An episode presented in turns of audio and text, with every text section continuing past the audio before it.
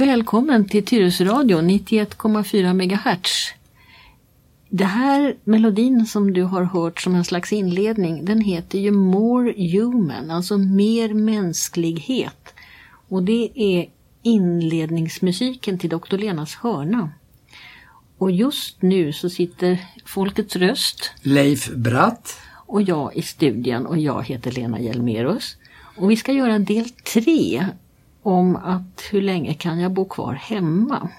Ettan, den handlade då om lite praktiska saker som är bra för att undvika att överhuvudtaget hamna inom vården. Tvåan, den handlade om vad, om man ändå då ramlar och gör illa sig och måste till sjukhus. Hur går det till? Och nu är vi då i del tre som handlar om att komma hem ifrån sjukhuset. Ja, Leif, det här är ett stort kapitel. Var ska vi börja någonstans? Ja, vi kan väl... Eh, alltså, inom akademin pratar vi om avgränsningar, så man vet vad man alltså, pratar om.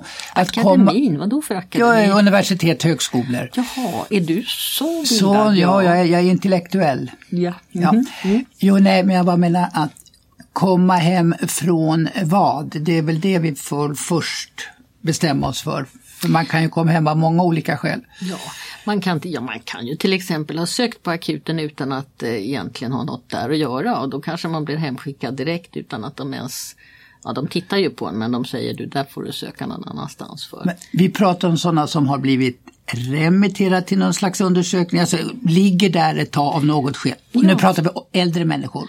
Ja, jag är, ju, jag är ju geriater och då blir det ju så att de patienter jag kan mest om, det är ju de äldre. Men samtidigt så är det också de äldre som oftast är sjuka.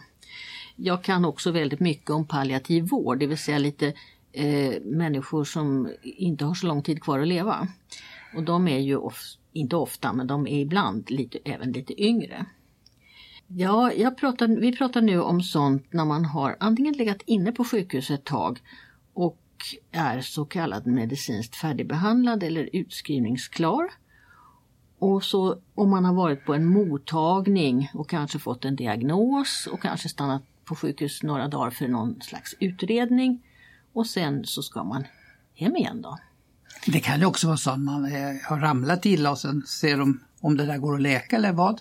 Ja, och ibland så kan det faktiskt vara så att eh, eh det här utskrivningsklar, det betyder ju egentligen att man behöver inte sjukhusets resurser.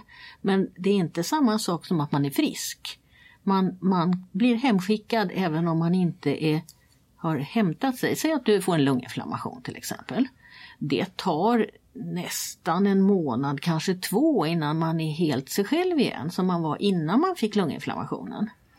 Men den tiden får man inte vara på sjukhus utan man får vara där kanske två, tre dagar för att de ska ge rätt sorts antibiotika och se att antibiotikan hjälper. Men sen är man liksom färdig för sjukhusets del. Men kan man inte säga då så här att eh, Eh, jag, jag tänker så här, vi pratar om hemtjänsten det är ju en slags hjälp om man inte är helt eh, funktionsduglig. Alltså något, ja. Och sjukhuset har sin del av det här eh, hälsovården och hemtjänsten har sin del av den här hälsovården. Kan man säga det så? Ja, vi, vi har ju någonting som är lite krångligt som heter det dubbla huvudmannaskapet. Vi har alltså en huvudman, det är ju någon som har eh, ansvar för någonting, ansvar för ekonomi kanske i det här fallet då. Och då har vi sedan flera hundra år i vårt land bestämt att det lokala samhället där man bor, kommunen, till exempel då Tyresö kommun, är huvudman för skola och för eh, äldrevård sedan 1992 då vi hade en stor reform. Eh, den andra huvudmannen, det är landstinget och det är i vårt fall då Stockholms läns landsting. Och landstinget har hand om de stora kommunikationerna, SL och så, och sen sjukvården. Lite grovt. Och då undrar väl vän av ordning vad gör svenska staten då, regeringen och riksdagen? Jag vet inte, kanske Nej, de skjuter inte till några pengar. Ja, lite grann pengar skjuter de nog till ibland. Eh, när det, åtminstone på den kommunala sidan så ser man ju till att fattiga kommuner får lite pengar av de rika kommunerna. Det som ibland också kallas för Robin Hood-skatt. Det är det kommunala utjämningssystemet. Och där skjuter, det är inte bara kommunerna som jämnar ut utan staten, det är ju vi, våra skattemedel, så vi ska ja. inte säga staten, det är vi skattebetalare via staten som fyller på den här penningpåsen som de fördelar ut över kommunerna. Så alltså, det är både, jag tror i dagsläget är det nog bara ett, någonstans mellan fem och tio kommuner som ger mer än de får. Och på landstingssidan där är det inte lika mycket men det finns ändå ett eh, system när det gäller våra läkemedel där eh, det finns en överordnad ekonomisk styrning som inte egentligen landstingen kan påverka. Det ska alltså kosta lika mycket med mediciner var man än bor i Sverige. Men vi har alltså då, vad har vi, 290 kommuner. Ja. Och vi har eh, drygt 20 olika landstingsenheter. De håller på att byta namn en del nu. Vi har region i Skåne och Västra Götaland. Och då har vi alltså drygt 20 olika system på landstingssidan och drygt 290 olika system på kommunala sidan därför att varje kommun är självstyrande.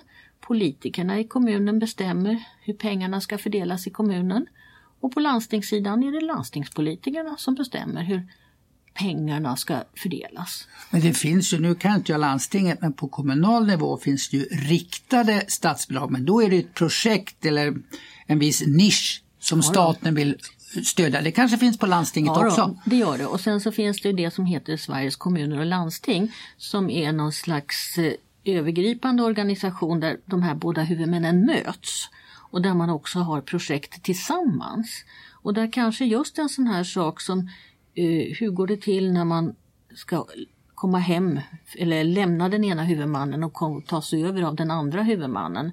Hur, hur det ska gå till och hur man ska arbeta där. Sen har vi inom vården också tillsynsmyndigheten Socialstyrelsen och, och vi har olika andra såna här myndigheter som följer upp att sjukvården ser något sånär likadan ut var man än bor i Sverige.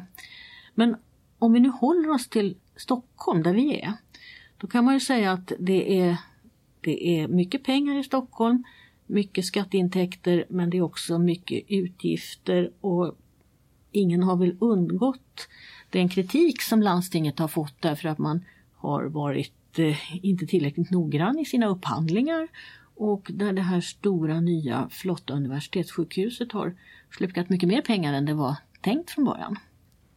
Så att vi, vi har naturligtvis en begränsad portmonnä. Även om vi kanske har ett bättre ekonomiskt läge än många andra landsting ute i Sverige.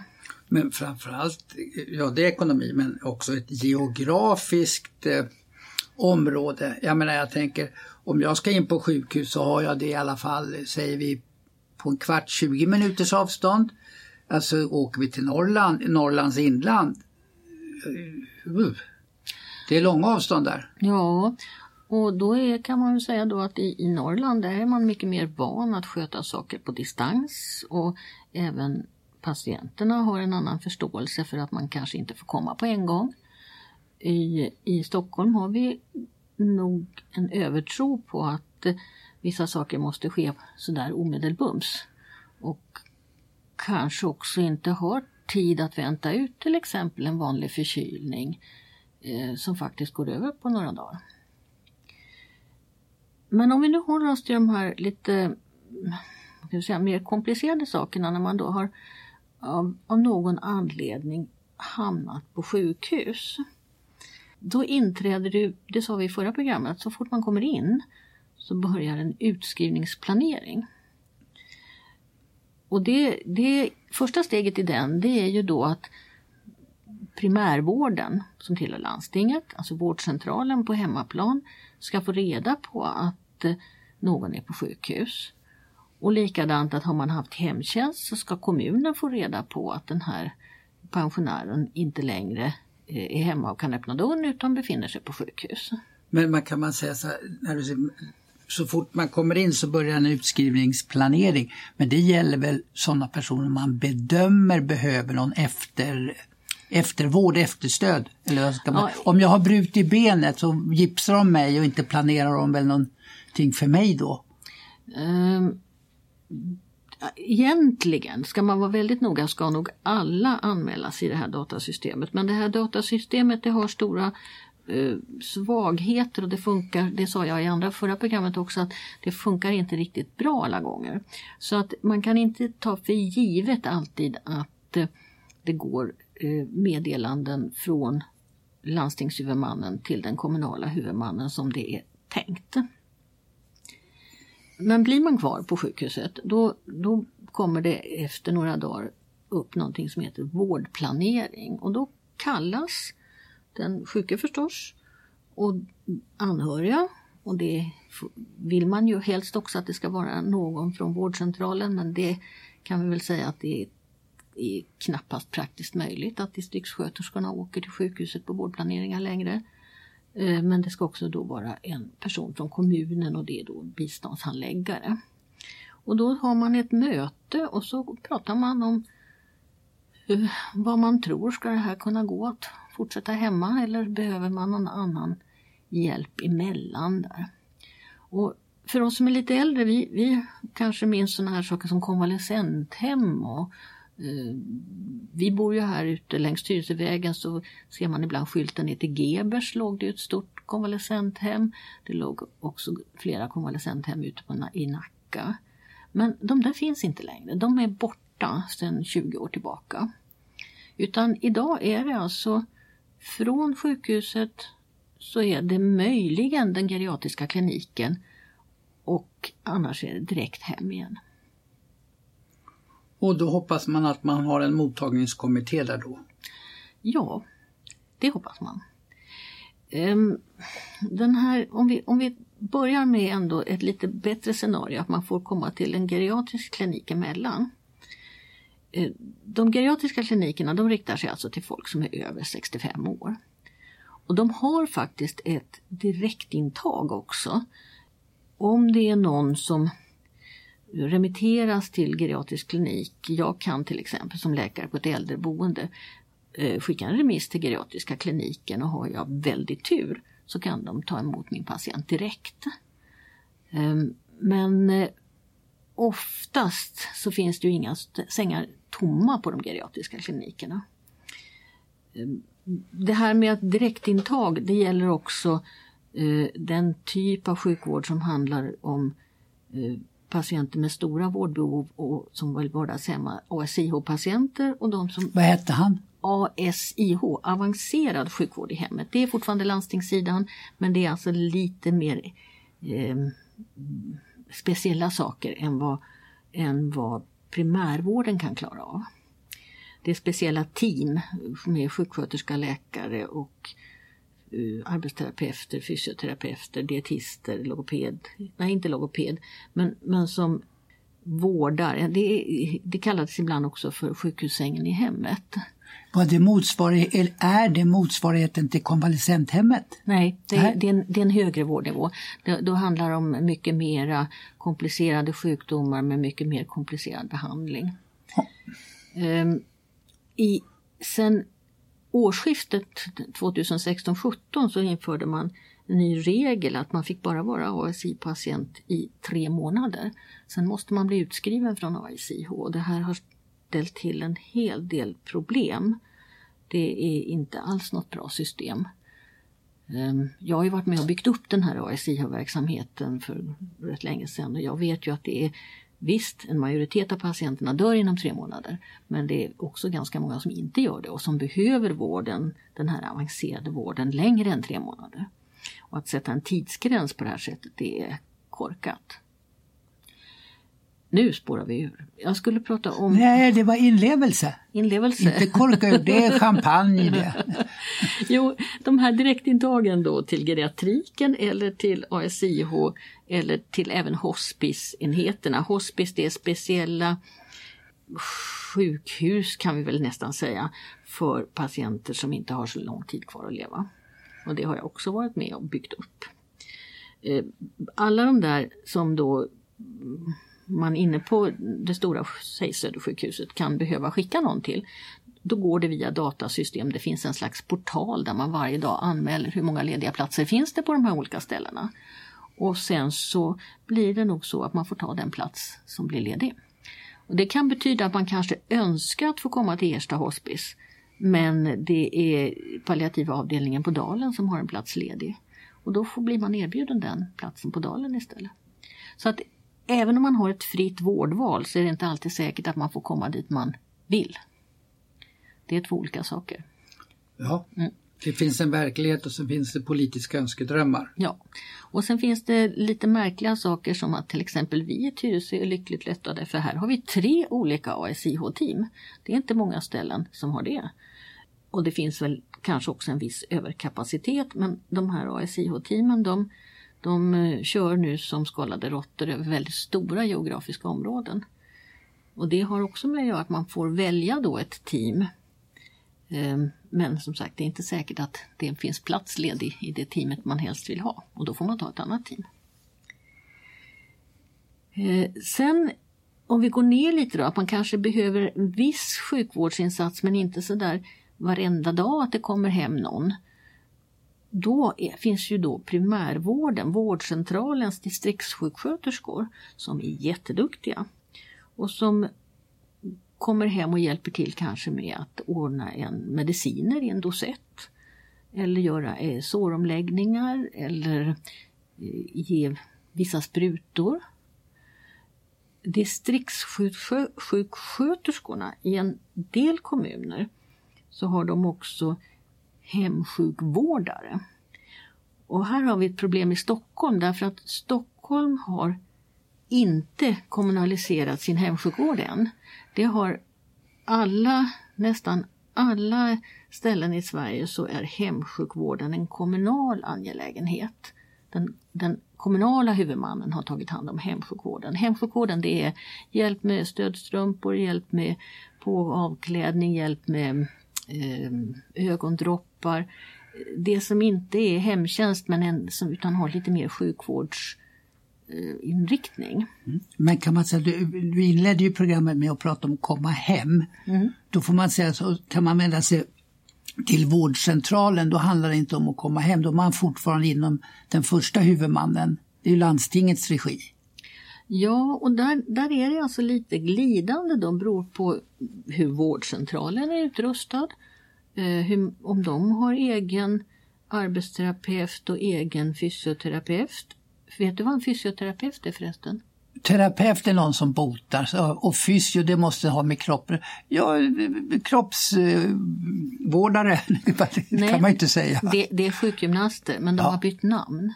Så att sedan ett par år tillbaka så finns det inga sjukgymnaster utan det finns bara fysioterapeuter. Och det är för att Sverige ska vara likadant som resten av världen. För vi var nog det enda landet i hela världen som hade ordet gymnast med i den yrkestiteln. I, I resten av världen så är man fysioterapeuter och det är vi numera i Sverige också. Ja, men vi är ju det enda stället på jorden som har en Lena Hjelmerus till ja, exempel. Visst, visst. Men, men eh, eh, det här med vad, vad vårdcentralen har för bemanning när det gäller eh, de här inom läkarkåren så kallar vi det ibland för paramedicinare. Det är alltså sjuk, eh, nej, det fanns det inte, fysioterapeut, arbetsterapeut, eh, dietist. Eh, om man har tjänster och om de är besatta. Det ser lite olika ut på olika vårdcentraler. Det där para du var inne på, paranöt vet jag vad det är, men ja. vad, vad, vad para för någonting i medicinska sammanhang? Ja, para betyder egentligen vid sidan om och och eh, det var en äldre beteckning för att, vi, att det fanns andra yrkesgrupper än sjuksköterskor och läkare i ett team. Och då gjorde man någon slags eh, gemensam gruppering och kallade det för paramedicinare. Fysioterapeuter och logopeder de arbetar ju väldigt självständigt och där har man rätt att själv söka utan remiss. Eh, man kan ringa och boka en tid hos en logoped man kan ringa och boka tid och man kan gå 20 gånger på sitt högkostnadsskydd hos en fysioterapeut. Och Det kan vara bra att veta.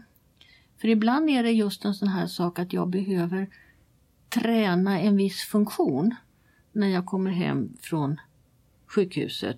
För just den funktionen klarar jag inte. Men kunde man ringa och beställa tid hos logopeden också? Ja, kan man göra. Vad gör logopeden då? Ja, logopeder i öppenvård, alltså hemma, eh, om man ringer en logoped, en logoped, då handlar det ofta om att tala, talträna. Logopeder på sjukhus, de har också ett uppdrag att, att utreda om man har sväljningssvårigheter och svårt att få ner maten, att man, den, att man sväljer fel. Men på vilket sätt pratar man fel? Då? För, alltså, för, läspa kan väl inte vara någon... Nej, men efter en stroke ja. eh, så kan man förlora talförmågan. Och så kan man träna upp den igen? Det kan man göra. Aha. Kanske inte från helt, eh, att den är helt borta, men man kan ändå lära sig eh, Hjärnan är fantastisk, man kan lära sig väldigt mycket med hjälp av en duktig logoped. Och det finns också idag dataprogram där man kan lära sig då att tala, få upp talförmågan och förmågan att räkna och förmågan att läsa och skriva igen. Det, är, alltså, det, det, är klart det finns massa funktioner i människokroppen som är viktiga att se och höra och så vidare. Men också att kunna prata i alla fall förståeligt så att man kan kommunicera med omgivningen. Ja, det är jätteviktigt. Ja. Och logopeder är nog en underskattad yrkeskår för de är väldigt duktiga. Är det många kvinnor?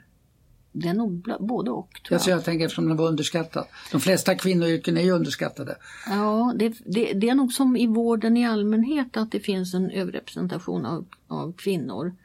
Både bland sjuksköterskor och bland eh, fysioterapeuter. Um, arbetsterapeuter är nog väldigt kvinnodominerat tror jag. Mm. Uh, men uh, det det får vi jobba för. För att här spelar det ju ingen roll om det är en kvinna eller en man för att det är en yrkesskicklighet i den här utbildningen som de här, om jag nu får säga det då, paramedicinarna har.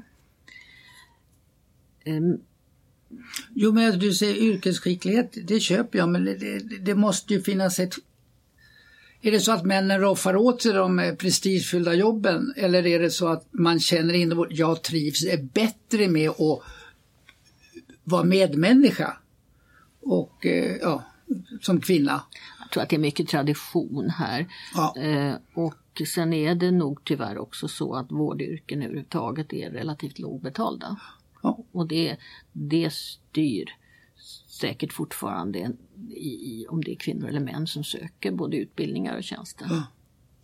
Ja. ja, då har vi avhandlat lite grann om ASIH, den specialiserade hemsjukvården där man då fick vara ansluten tre månader. Det kommer ett nytt avtal nu 1 januari mm, 2018 och jag hoppas verkligen att man har reviderat den där tre månaders regeln. Eh, sen eh, så finns det då ett, det är naturligtvis ett vårdbehov både eh, dagar och nätter och helger. ASIH-teamen de jobbar dygnet runt. Men eh, vårdcentralerna, distriktssköterskor har eh, oftast dagtid och kommunernas, eh, om det är hemsjukvårdare eller hemtjänstpersonal, är ofta också dagtid. Behöver man insatser nattetid, antingen från eh, landstingshuvudmannen eller den kommunala huvudmannen, då, då blir det ofta ett, ett separat eh, jourteam. Och det har ju att göra med att det, det är inte är lika många som behöver hjälp nattetid. Eh, och då för att få organisationen att fungera så har det varit smidigare att ha en separat jourtidsorganisation. Men det här betyder ju för den människan som ska ha den här hjälpen hemma att det blir väldigt många olika personer. Mm. För de kommer från olika håll. Men du pratade om, eh, det var en liten pyttegrej här nu då, eller pyttegrej, det, ja. Eh, I alla fall, du pratade om de alla människorna när man planerar, eh, vet du, man muckar från sjukhuset. Mm. Eh, och vara en biståndshandläggare. Jag tänker på en sån sak, det kan ju betyda att man behöver färdtjänst när ja. man kommer hem. Ingår det i paketet eller är det separat det, paket? Nej, det ingår i paketet och eh, Eh, Eh, det är en, en särskild organisation, färdtjänst, som är lite kombinerad mellan de två huvudmännen. Men den, är, den brukar löpa ganska, en färdtjänstansökan brukar löpa ganska smidigt. Det är svårare med det här, de andra praktiska sakerna, hjälpmedlen som man kan behöva när man kommer hem därför att ibland, om man har varit på en geriatrisk klinik, då kan det hända att man har fått åka hem tillsammans med en arbetsterapeut och titta lite grann på vad, vad kan det behövas? Behövs det något handtag någonstans? Är det en tröskel som måste tas bort? Hur ser sängen ut? Ehm, behöver jag någon arrangemang för att kunna tvätta håret? Så sådana här rent praktiska saker. Men är man på ett eh, som Södersjukhuset och sen ska hem direkt, då, då hinner man ju inte göra en sån där eh, ett hembesök innan.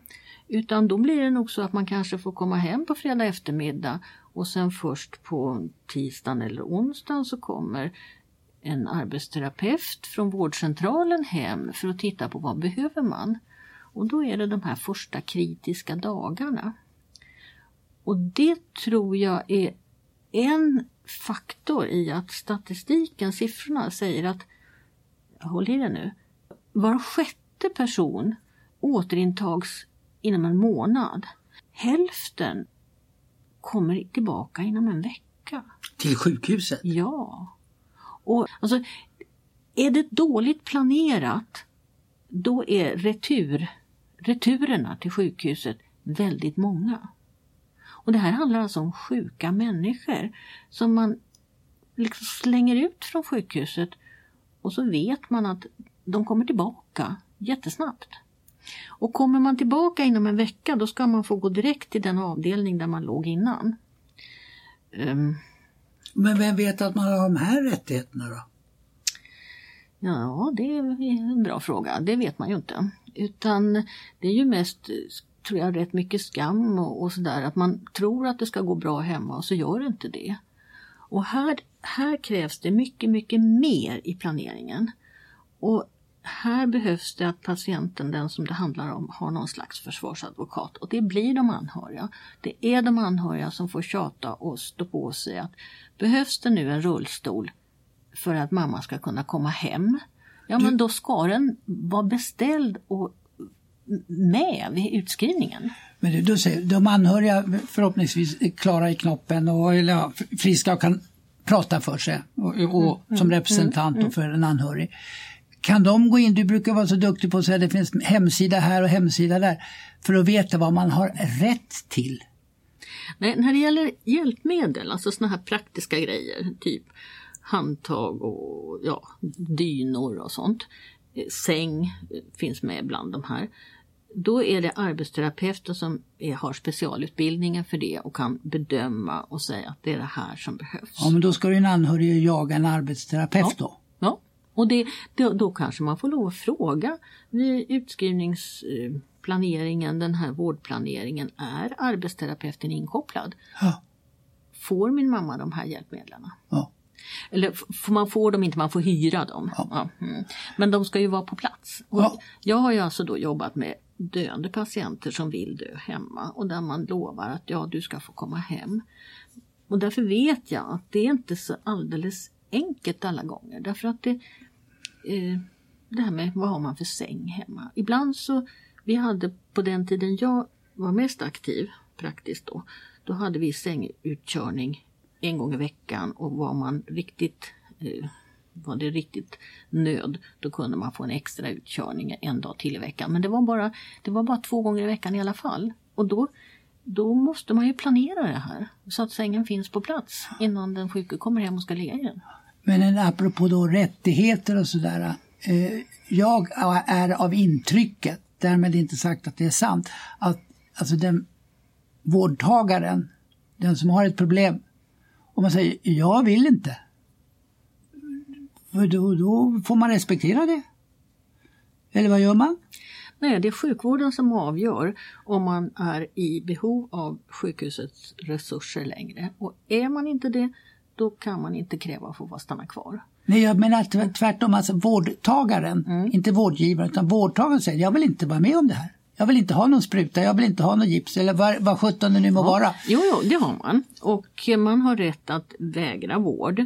Men eh, de flesta människor vill nog ändå att det ska vara så bra som möjligt. Jag, det, det, jag, bara, jag ja. pratar bara rättigheter, sen ja. tror inte jag, förhoppningsvis är de inte så många. Som... Ja, men det finns många svårt sjuka människor, om vi nu håller oss till dem, som, som också säger att jag vill inte vara med längre. Jag vill inte ha mera cytostatika, alltså cellgiftsbehandling. Jag vill inte eh, opereras någon mer gång. Nu vill jag bara vara hemma. Mm. Och jag vill ha det bra hemma.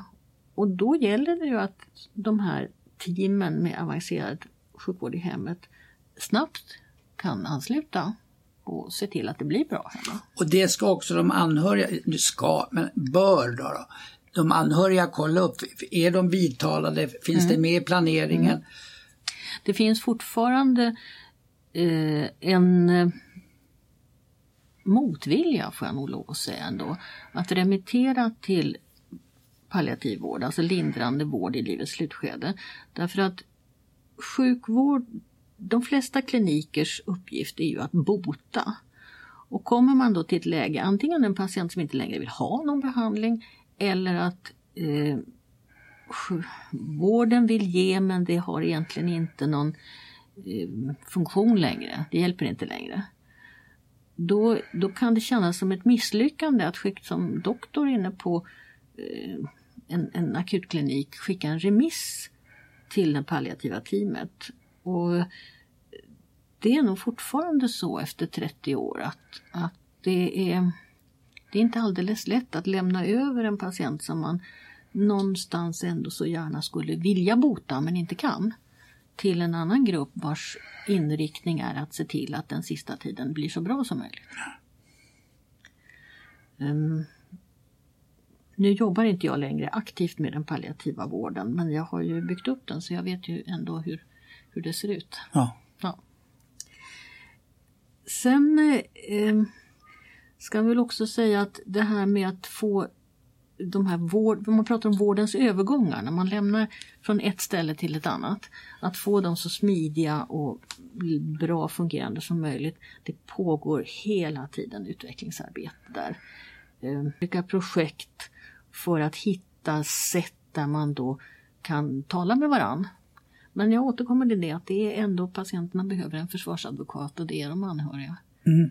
Och, eh, Då är det lite eh, sådär halvproblematiskt i alla fall för vi har ju en Alltså, landsbygden avfolkas, alltså det är pensionärsnästen. Det finns inte, alltså i Stockholm där bor ju de flesta kvar. Eller i storstäderna då. Mm. Mm. Men eh, på mindre orter där är det bara föräldrarna som är kvar. Det är inte lätt att hitta försvarsadvokater. Nej, det är det inte. Men samtidigt så kanske det på mindre orter ändå finns en lokalkännedom som gör att det, det går lite smidigare. Men eh, det är...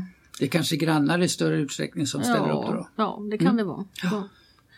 Ehm, det, nu, låter, nu låter det här programmet väldigt pessimistiskt som om det bara är svårigheter och så är det ju inte.